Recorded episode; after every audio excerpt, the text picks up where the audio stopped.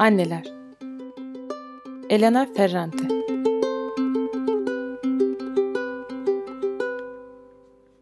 ...25 Ağustos 2018 Görünmez bir kordon bizi annelerimizin bedenine bağlar.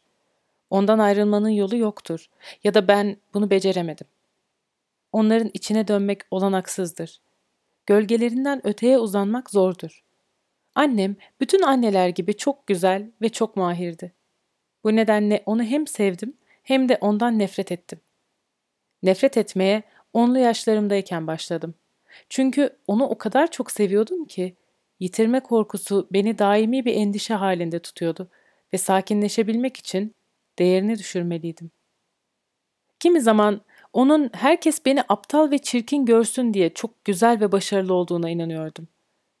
Kendime ait hiçbir düşünce üretemiyordum ve zihnimde sadece onun düşünceleri vardı.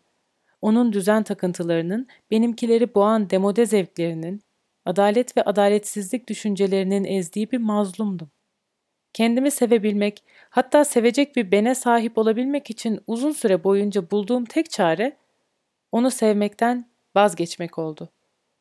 Bunun üzerine kısa sürede bedenlerimizin arasına patronluk taslayacağım, kavga edeceğim, sevişeceğim, kendimi bilge ya da sersem göstereceğim başka bedenler soktum.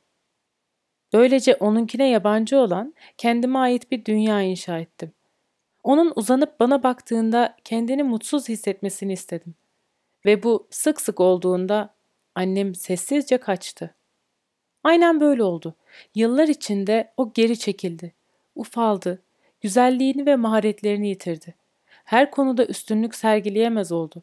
Söyleyecek sözü kalmadı. Bir süre kendimi özgür hissettim. Sonra güvendiğim, sevdiğim insanlar bana şöyle cümleler kurmaya başladılar. Annen gibi gülüyorsun. Annen gibi dik başlasın. Ellerin aynı annenin elleri. Bir sabah aynada kendime baktım ve onu gördüm. Orada. Benim bedenimdeydi. Şaşırarak fark ettim ki bu durum giderek beni daha az rahatsız eder oldu.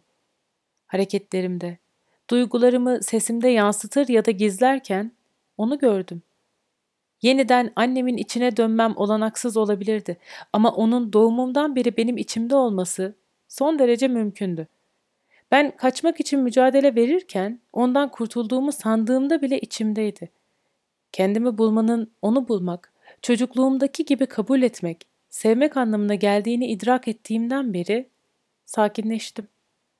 Kimi zaman bağışlamanın yaşanan haksızlıkları unutabilme yeteneğinden geçtiğine inanırız. Bu belki doğru olabilir ama annelerle ilişkide böyle değildir. Ben o haksızlıkların, bana haksızlık gibi görünenlerin, bir parçam, gelişimim için vazgeçilmez, hatta artık benim bir icadımmış, renkli bir abartımmış gibi görünmeye başlayacak kadar elzem olduğunu anladığımda annemle barıştım.